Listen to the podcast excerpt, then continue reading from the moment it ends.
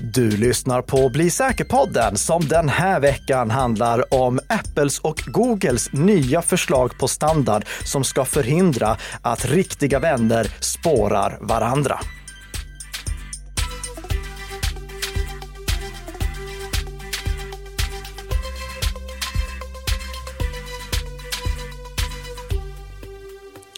Ja, för skulle det vara så att eh, jag stoppar in en tagg i, i din eh, bakficka utan att du vet om det. Är jag verkligen din riktiga vän då? Nej, då är du nog min ovän snarare. Ja, men, men den här titeln den funkar ju bara ifall det är riktiga vänner spårar inte varandra. Och det titelförslaget var för bra för att inte använda i det här sammanhanget. Så vi, vi, vi får köra det. Men det handlar alltså om det nya förslaget för att förhindra att bluetooth-taggar kan användas för att spåra någon person som inte vill bli spårad, men samtidigt användas för att hitta borttappade plånböcker och allt möjligt annat.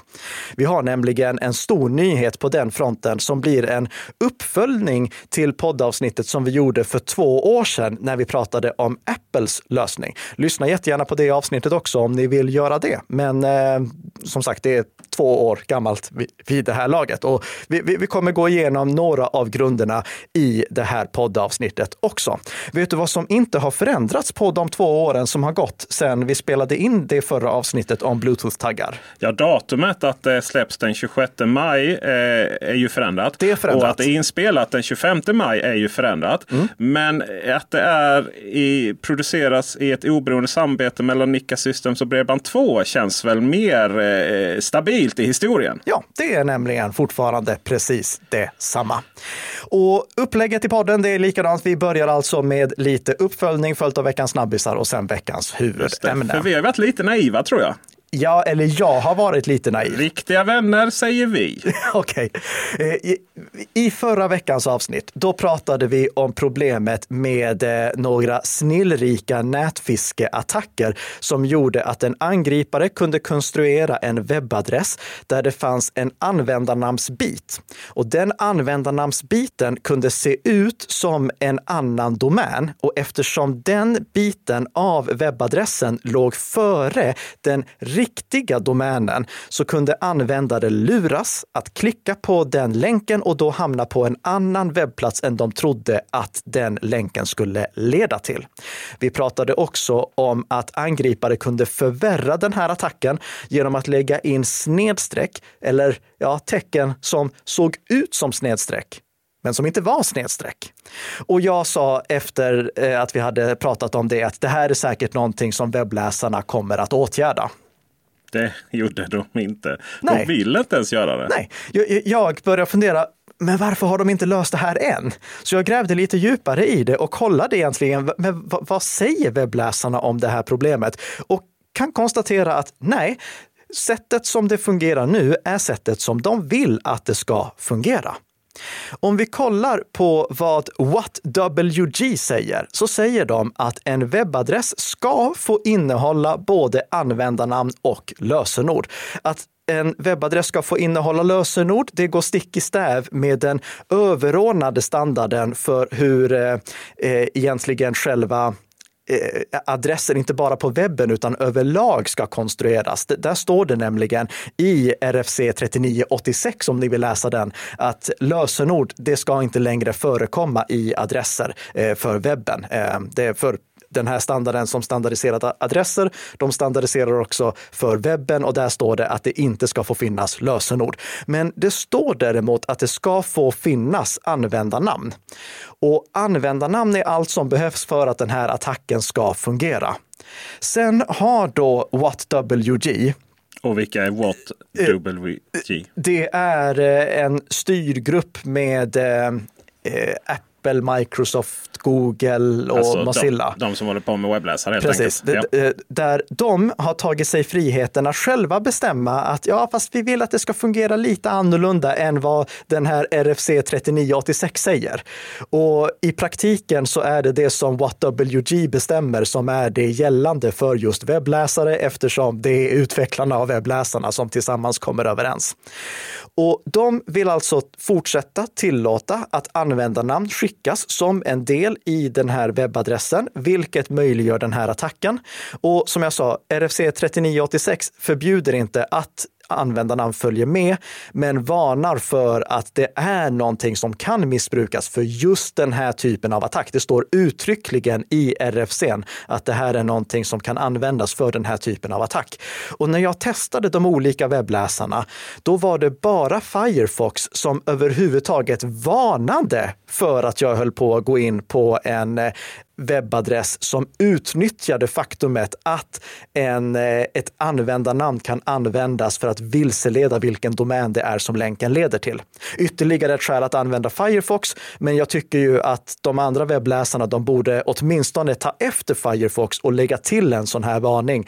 För det är extremt, extremt, extremt sällan som du skickar användarnamn i en webbadress. Det, jag kan bara komma på en gång i historien som jag har gjort det och det var när jag skulle logga in i en sån här övervakningskamera för typ 15 år sedan.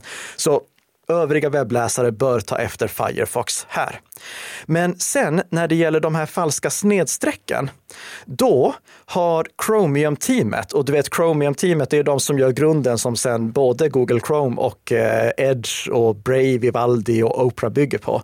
De har sagt att det här är någonting de vill fortsätta tillåta. De vill fortsätta tillåta falska snedstreck i webbadresser. Eh, och, var det punkt där? Liksom? De ja, vill det och så går vi vidare? Det, 2016 då tog de beslutet att ja, ja. men det här vill vi tillåta. Och jag antar, nu är det här mitt antagande alltså, att det beror på att det finns något språk någonstans i världen som använder de här snedstrecken på ett sätt som gör att det behöver tillåtas.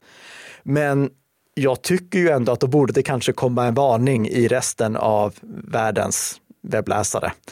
Mm, men det gör det inte, inte i någon.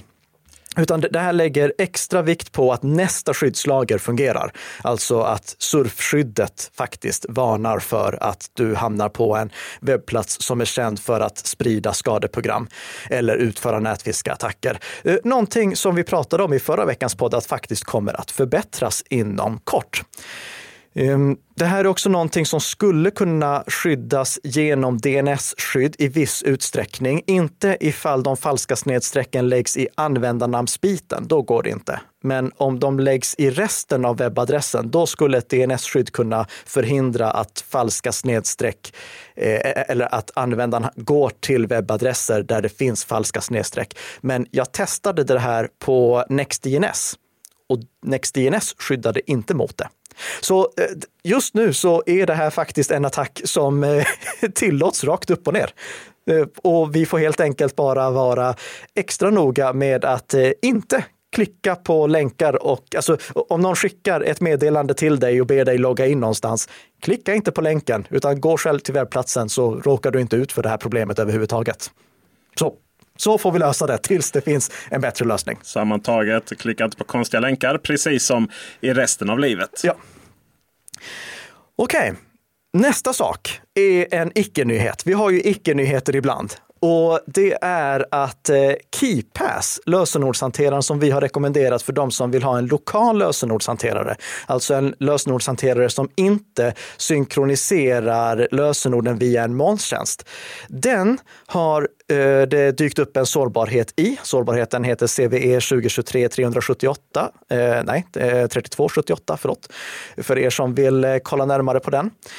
Och den sårbarheten har det skrivits mycket om i media och den är verkligen uppblåst i onödigt stor utsträckning. För att den här sårbarheten, den gör att ett skadeprogram skulle kunna från en minnesdump läsa ut ett huvudlösenord som användaren har skrivit in. Inte klistrat in utan skrivit in på tangentbordet. Och det är självfallet allvarligt. Men notera att jag sa att det är ett skadeprogram som kan göra det. För att den här attacken ens ska vara möjlig så måste datorn alltså vara infekterad från första början. Och om datorn är infekterad från första början, då kan det skadeprogrammet göra betydligt värre saker. Kan stjäla cookiesen som vi har pratat om till exempel. Personen som upptäckte den här sårbarheten skriver också uttryckligen att det här är någonting som förutsätter att din dator är infekterad för att det ska vara möjligt att utnyttja den här sårbarheten. Eh, men säger också att det kanske finns en risk att det här är en metod som kan kringgå att upptäckas av vissa klientskydd för att klientskydden kan kanske lättare upptäcka att du har en keylogger som spelar in allting som skrivs. Det, det, det beror lite på vilket klientskydd du använder och om klientskyddet noterar just den här typen av attack. Men Oavsett vad, för att det här ska funka så måste datorn vara infekterad. För att attacken ska lyckas måste datorn vara infekterad, alltså är det här ett väldigt litet problem i sammanhanget. KeePass kommer att åtgärda den här bristen. Det kommer släppas en uppdatering i juni där det är åtgärdat. Och i och med att de gör det på ett så snyggt sätt och det är ett så litet problem i praktiken så är det här inget skäl att sluta använda KeePass. Så det, om ni har oroats över de här rubrikerna som har stått eh, jättestort på nätet, så nej, var inte oroliga för det. Någonting som däremot jag förvånades lite över. Det var en annan sak som just KeePass råkade ut för nu eh, här tidigare i veckan, men inte den officiella KeePass-klienten, eh, utan KeePass Mini som är en iOS-klient för KeePass. Och jag vill poängtera här att rekommendationen av KeePass, det gäller bara den officiella KeePass-klienten och uppföljaren KeePass XC.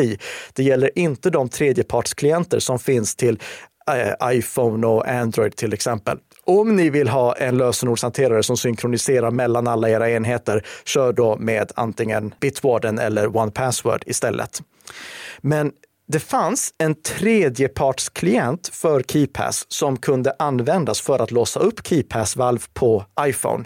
Och nu i veckan, då var det en användare på Reddit som noterade att den klienten betedde sig lite underligt för att den verkade lyssna av det som lades i urklipp. Och så fanns det nätverksanslutningar som gick från den här appen också. Och den här Reddit-användaren påstår sen att det ska vara relaterat till att någon har försökt logga in på eh, hans eller hennes eh, bankkonto. Om det stämmer eller inte, det, det, det, vet jag faktiskt inte. Men det är egentligen inte det som är intressant heller, utan det som är intressant är, är det som vi har fått bekräftat från utvecklaren av KeyPass Mini. Och utvecklaren av KeyPass Mini har bekräftat att ja, det fanns faktiskt avlyssning av det här eh, som lades i urklipp och det fanns anslutningar som gick till en tredjepartsserver och det var av analysdataskäl. Utvecklarna av KeyPass Mini kallar att eh, den här avlyssningen av klippbordsdatan eller urklippsdatan, den var citat clumsy, alltså klumpig det, det, får jag hålla med om att det var klumpig, men eh, utvecklaren poängterar också att det inte skickades några lösenord till eh, någon server. Eh, utvecklaren skriver så här, citat på engelska. Here again, My statement about the clumsy copying of data from the clipboard and the possible sending to an analysis server. I assure you that the data was never sent to an analysis server as it was never operational, nor was any analysis data stored. Slutcitat. Det som gör situationen lite underlig, det är dock den övriga reaktionen från den här utvecklaren. För han tog sen och avpublicerade appen från App Store, plockade bort all kod från GitHub och skrev, citat på engelska igen, I will not distribute any app that handles key pass database files in the future. I hope the community will find an idiot to do free project for several hours a week. Slutcitat. Det var Antingen väldigt dålig självkänsla eller någonting annat bakom. Ja, och vad vet vi inte. Men det som vi vet är att det här är alltså en tredjepartsklient. Det är inte en officiell klient för eh, KeyPass. Och vår rekommendation den gäller ju bara officiella klienter för KeyPass, inte tredjepartsappar som kan öppna Keypass. för det finns ju ingen möjlighet att kontrollera alla dem. Så eh, vad extremt restriktiv med att använda tredjepartsklienter. Använd enbart de officiella klienterna och det är därför vi rekommenderar till exempel OnePassword och Bitwarden, för där finns det officiella klienter för alla operativsystem som du kan tänka dig. Bitwarden har för övrigt också nu eh, teasat en liten video på hur deras kommande lösning för passkeys ser ut som kommer i sommar. Vi lägger en länk till den videon för er som vill kolla på den videon, för video gör sig väldigt dåligt i poddformat. Eh, det, det var en snabb genomgång av det som har hänt med KeyPass i veckan och jag vill poängtera bara avslutningsvis att inget av det är någonting som gör att ni ska sluta använda lösenordshanteraren KeyPass. Rekommendationen kvarstår. Och nu mina vänner, Karl Emil Nicka och ni som lyssnar, ska vi då prata om huruvida vi ska spåra varandra eller inte. Nej, men eh, för två veckor sedan var det ju Google I.O. och i förra avsnittet så pratade vi om en rad nyheter för Android som presenterades. Men vi sparade det största tills detta avsnittet då, nämligen att man presenterade från Googles håll ett liknande system för att hitta prylar. Framförallt då som Apple har med sitt AirTag-system. Mm.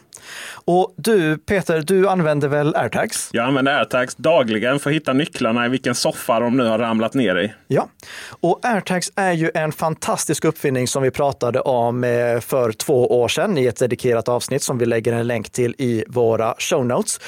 Eh, AirTag var absolut inte det första systemet som fungerade med sådana här Bluetooth-taggar för spårning. Eh, det fanns många tidigare, men Apples airtags gjorde att det här slog igenom på bred front. Just för att man hade så mycket iPhone-enheter ju, så att det bildade ju det här uniformerade nätverket. Eh, Exakt. tidigare så var det tvungna att eh, x antal människor skulle ladda ner en viss app och sådana saker. Och så skulle det uppstå en kritisk massa för att det här skulle fungera. Och det blev ju aldrig riktigt så. Men med Apples system så blev ju alla iPhone en extra radioantenn. Kan man säga det för AirTag-systemet? Ja, det, det, tycker jag. Det, vi har ju, alltså sen typ mobilnätets begynnelse så har det funnits olika enheter för att kunna spåra någonting. Vi har har haft eh, stora klumpiga saker som har innehållit en GPS-mottagare och så ett eh, mobilmodem och så har man satt in ett simkort i det och så har den här enheten plockat GPS-positionen och sen rapporterat var den befinner sig via mobilnätet. Stora klumpiga saker som krävde stora batterier och hade batteritid på typ ja, som en gammaldags GSM-telefon. Ja, de tenderar att ta slut när man som allra mest behövde dem. Ja, det, det kan ju då jämföras med de här pytte, pytte, pytte små knappcellsbatteri stora taggarna som till exempel airtags och eh, tile och liknande. Eh, alltså just att det gick att bygga så små taggar och så billiga taggar gjorde ju att det här fullkomligen exploderade. Och, och, och, inte exploderade som en Samsung Galaxy Note 7 då, utan, oh, utan exploderade i användningsområden och i eh, faktisk användning. För poängen med de här små taggarna, det är att de har ingen GPS inbyggd i sig. De har ingen, eh, inget mobilmodem inbyggt i sig. Du har inget simkort du ska sätta i. Det, det krävs inget abonnemang för dem, utan det enda de gör, det är att de berättar att de finns och de berättar att de finns för mobiler som är i Bluetooth LE-räckvidd eller Bluetooth Smart-räckvidd som det hette tidigare. Bluetooth Low Energy betyder det va? Exakt. Jag trodde alltid det var Light Edition. Ja, det hade det kunnat ja. vara också. Eh, men low energy. Och de här mobilerna som vi går runt med, de håller vi ju laddade och de innehåller GPS-positionen eh, som de befinner sig på. Apples smarta lösning, det var då att ha sådana här små airtags som berättar att de finns för mobiler. Och mobilerna, de tar i sin tur och rapporterar vidare att de har upptäckt den här taggen vid den här positionen till Apples nätverk. Och det görs på ett sätt där sen användaren av eh, den som äger den här airtaggen kan se det via Apples hitta app eller via webbgränssnittet. Och det görs då utan att Apple-användaren får reda på vilken mobiltelefon det var som rapporterade den positionen. Så det är gjort på ett sätt så att det är integritetsvärnande och enbart den som äger taggen kan se vilken position den befinner sig på. Det, eh, Apple får inte tillgång till den platsdatan. Så det, det en otroligt smart uppfinning, men den har ju varit begränsad till Apples prylar fram tills nu. För nu meddelade Google på årets utvecklarkonferens att de kommer att bygga motsvarande funktion för att andras taggar ska kunna få rapportera positionen till Googles lösning Find My Device. Det här kommer senare i sommar och det här är enligt Samir Samat som är Vice President av eh, Product Management på Google att göras på ett integritetsvärnande sätt. Han sa på scen så här, citat på engelska. From the start, we designed the network in a privacy preserving way where location information is encrypted. No one else can tell where your devices are located, not even Google. Slutcitat.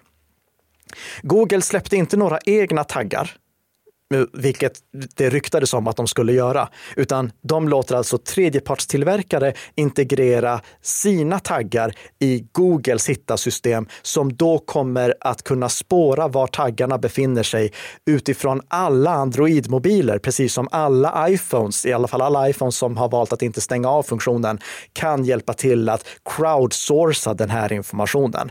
Så som jag har förstått det kommer dock inte taggar som används använder Googles lösning att kunna rapportera var de befinner sig via iPhones. Och eh, en AirTag kommer inte heller kunna rapportera var den befinner sig via en Android-mobil. Så det blir fortfarande två stycken separerade silos, men vi har åtminstone två stycken separerade silos med alla mobiltelefoner i världen istället för bara en silo med bara just iPhones. Det som däremot är gemensamt för både Apples lösning och Googles lösning, det är att de har kommit överens om hur de ska förhindra att de här spårningstaggarna används för att spåra användare som inte vill bli spårade. Alltså tänk dig att en svartsjuk partner lägger en eh, tagg i din ficka utan att du märker det eller syr in det i din jacka utan att du märker det. Det är ju någonting som definitivt måste has i åtanke när plötsligt det här öppnar en extrem och aldrig tidigare skådad möjlighet för att spåra personer som inte vill bli spårade. Jag menar, du hade ju märkt Peter ifall jag la en stor klump, stor som en mobiltelefon, i din jackficka. Du, du hade ju märkt det. Men du hade kanske inte märkt en sån här liten, liten tagg. Jag hade en kompis som faktiskt la en i min bil. Jaså? Jag gjorde det. Och grejen var att jag såg ju det. Det var bara att jag hade en egen. Jag hade också en tagg då i bilen eh, så med mig i väskan. Eh, och, och, så jag tänkte bara att den här dubbla spårningen. Ah. Eh, så här, för jag, jag fick ju upp och så såg jag båda och så bara, ja men det är väl min egen. Så, att, så det, var, det blev lite komiskt. Men, men, funktionen fungerar som den skulle då. Det började dessutom pipa då ganska omgående. Ja, och det, det är ju så det är gjort att om du eh, blir spårad med en airtag idag, då börjar den pipa eftersom den märker att den inte är tillsammans med sin ägare utan den används för att spåra någon annan. Den funktionen, den kommer att vara ett krav i den standard som Google och Apple nu gemensamt har presenterat ett förslag till. Där, ska, där, står det att det ska finnas en sån här högtalare och det är ju för att även om den här standarden nu gör att eh, till exempel Googles mobiltelefoner eller Android mobiltelefoner ska jag säga, för det är inte bara pixelmobiler utan alla Android mobiler, de kan nu när det här har rullat ut varna för att en airtag förföljer dem.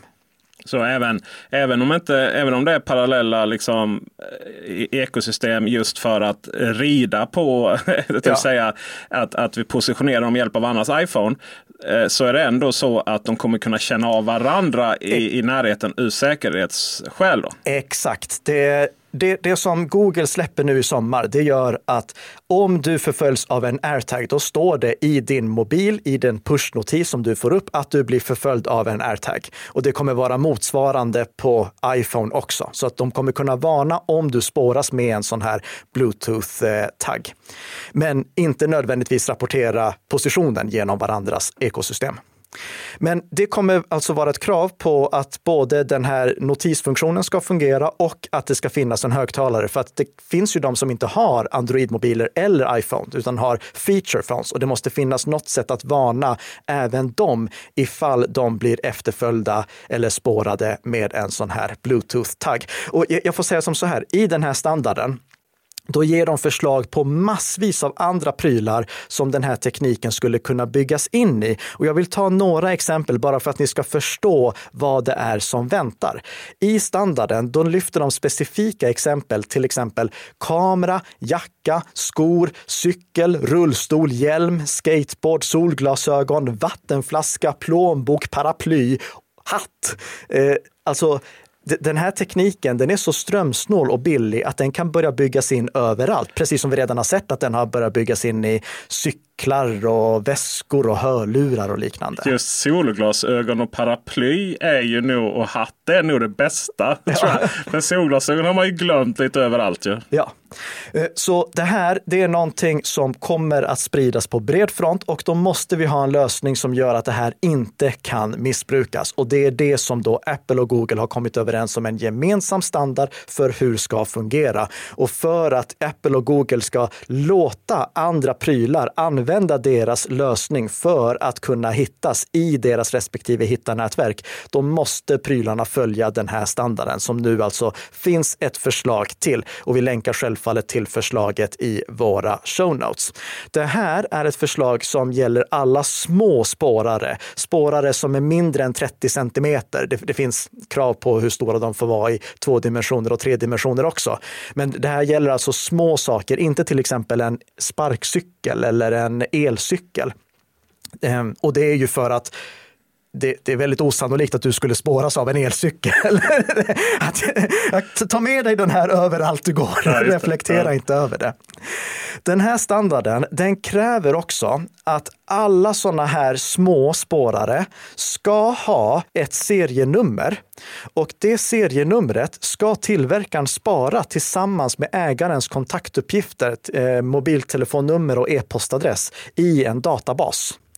Och det här är eh, någonting som jag vet att har varit lite kontroversiellt, alltså att det ska finnas en sån här databas för alla taggar. Men det är inte konstigare än det som sker för Apple redan idag. Alltså när du skaffar en AirTag, då parar du den till ditt Apple ID och då sparar Apple att ja, det är du som äger just den här taggen. Det är bara så att vi får, den här standarden, den kräver egentligen att alla andra tillverkare också har ett sånt här register. Den här informationen som sparas i det här registret, den ska också någon som hittar den här taggen på sig kunna läsa ut delvis. Det ska vara så att om du hittar den här taggen ehm, eh, i din väska, då ska du kunna skanna den och hämta från en webbserver vilket serienummer som den här taggen har och de antingen, äh, förlåt, antingen de fyra sista siffrorna av det kopplade telefonnumret eller delar av e-postadressen där de känsliga, alltså det, det är bara, eh, om det hade varit min e-postadress, då hade det stått k och så lite asterisker, snabel n lite asterisker.com för ke.nicka.nickasystems.com. Och det är så du ska kunna liksom ha en chans att veta, okej, okay, är det här någon jag känner eh, som har råkat lägga sin tagg här eller varför? Det är ju, och det är ju så det funkar på Apple idag. Ja. Även om du hittar den och tänker du, ja, nu får jag en gratis AirTag här. Ja. Då går det dessvärre inte att återställa den själv. För Nej. den kommer hela tiden säga att du måste logga in med ditt Apple-ID som då tillhör då de här, den här e-postadressen då som du ser halva eller ja, en ja. liten del av. Och det, det, är också, eh, allt det här det baseras på att du i din mobiltelefon, när du skannar den, då kan du få information från en webbplats. Den här webbplatsen den använder ju Apple också för att den som har tappat bort en pryl ska kunna lägga ett meddelande till den som hittar den. Så det, det här det, det är en del av den lösningen som Apple redan har uppfunnit. Det som är lite kontroversiellt här, det är att det står uttryckligen att den här informationen som då sparas i registret, den ska lämnas ut till polisen. Eh, det står så här eh, för att eh, ta exakt det som står. Citat på engelska. The pairing registry shall be made available to law enforcement upon a valid law enforcement request. Slutcitat vad säger du Peter Esse, är det här ett problem? Nej, jag ser ju inte det. Alltså, om vi tar på svensk del så om det finns ett åklagarbeslut och lämna ut den här informationen så är ju inte det värre än, eller värre, det är ju inte mer än så att säga med en del av lösningen mer än eh, husrannsakan, eh, datadump ifrån eh, vad mobiltelefon har varit. Jag ser det som en självklarhet. Mm. Och då tänker ni, kommer det nu bli en het debatt här mellan Peter och Nicka? Eh, nej, det kommer det inte bli, för även om jag är integritetsvurmare så ser jag inte något större problem med det här. mot mig. Nej, nej, nej, nej men jag, jag, tänkte mer att... Eh, eh, du är känd, ja precis, du är mer känd i det. Ja. Eh, så... Eh, nej, jag ser inte något större problem med det här. Alltså, notera, det handlar inte om att polisen kan få ut platsen det är absolut inte platsen det här handlar om. Det här handlar om att om polisen får en airtag, då ska polisen kunna få reda på vem det är som äger den airtagen eller motsvarande tagg från en annan tillverkare. Det är det som då tillverkaren ska behöva lämna ut till polisen. Så nej, jag ser inte något större problem med att det finns ett sådant här register. Jag är ju väldigt mycket regis emot register överlag, men inte i det här fallet. För det är ju ifall till exempel en flickvän blir eh, efterföljd av någon, då ska det gå att se vem är det egentligen som håller på att följa efter den här flickvännen? Vem är det som äger den här taggen? Det går självfallet inte förhindra att den som äger taggen har registrerat falsk information. Eh, men det är ändå någonting som eh, förhoppningsvis kan lösa några brott. Jag vill samtidigt poängtera här att jag förstår att det finns de som inte vill att deras information ska finnas i ett sånt här register. Och då är det så att det finns ingenting som hindrar någon att köpa taggar som inte använder det här systemet. Det, det, är, så, det är fritt fram att köpa taggar från ett alternativt system som inte krokar in sig i Apples hittarnätverk och Googles hittarnätverk. Och då kommer de taggarna att hittas av tre telefoner i Sverige och två stycken i Tyskland och en i Rio de Janeiro. typ. Eh, men om någon vill ha en tagg och vill dra nytta av min telefon för att kunna hitta den taggen, och dra nytta av din telefon för att kunna hitta den taggen. Då tycker jag inte det är mer än rätt att vi har de här begränsningarna, de här riktlinjerna och de här kraven för hur egentligen det här systemet ska fungera. För det är ju med hjälp av våra telefoner som det går att hitta den här taggen från första början. Men om man inte vill lämna ut den informationen, köp en annan tagg då. Det är inga problem där. Eh, det finns några saker som jag inte är helt nöjd med i det här förslaget till exempel hur länge datan får sparas efter att användaren har slutat ha taggen ihopparad med sig. Vad, vad säger man? Ihopparad? Efter man har skilt sig. Ja, eh, hur länge som den datan då ska sparas i det här registret. Det finns uppmaningar för hur länge datan ska sparas som minst och att datan ska raderas efter att den inte behövs. Men vi skulle behöva en maxgräns också för hur länge den här datan får sparas överhuvudtaget. Så Eh, Eh, om vi bortser från det och några andra sådana här små förbättringar som jag misstänker att kommer komma nu när förslaget ligger ute för eh, allmänna kommentarer, så tror jag att det här kommer bli riktigt bra. Det, det är skönt att se att eh, Google och Apple tar tag i det här problemet tillsammans och att de dessutom gör det innan vi har fått se massa oväntade konsekvenser. Det känns som att det är genomtänkt det här. Det, det känns som att de har funderat på hur skulle det här kunna missbrukas? Eh, de har till och med funderat på hur det skulle kunna missbrukas för att spåra ägaren också. Eh, för eh, du kan tänka dig som så här att om den här eh, Bluetooth-taggen alltid hade skickat ut samma MAC-adress, alltså samma ID. MAC-adress är ju inte relaterad till Macintosh utan MAC-adressen som Machine Address Control Address, en unik identifikator för taggen. Om, om den alltid hade skickat ut samma sådana, då hade ju den informationen kunna användas för att spåra var ägaren rör sig. Alltså ifall eh, en angripare har massa telefoner, då hade angriparen kunnat se att okej, okay, här rör du dig på det här sättet varenda dag.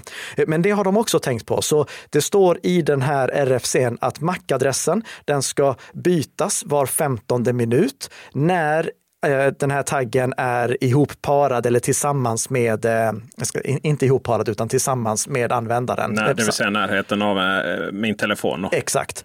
Och sen var 24 timme eller någonstans i det tidsspannet om den är separerad från ägaren. Så jag får säga väl genomtänkt och bra gjort av Apple. Mycket. Mm. Eh, eh förlåt, Apple och Google. Nu var jag oförskämd där. Eh, ja, Apple. fast det är nog mycket, mycket kommer nog från Apple och deras erfarenhet om AirTags, det tror jag. Det, jag kan säga, när jag läste igenom det här, då, då kändes det väldigt mycket som att okej, okay, ni, ni har tagit AirTag-tekniken yep. och så rullar ni ut den på bred front nu yeah. tillsammans med andra tillverkare också. Men vet du vad? Det är bara någonting som gynnar oss och hjälper oss att bli lite säkrare för varje vecka som går, precis som den här podden. Det var en halvdan övergång där. Fem av tio får jag för den. Ge mig poäng här själv också. Eh, vi är tillbaka nästa vecka igen med ett nytt avsnitt av Bli säker-podden som gör dig lite säkrare för varje vecka som går. Tack så mycket för att du har lyssnat.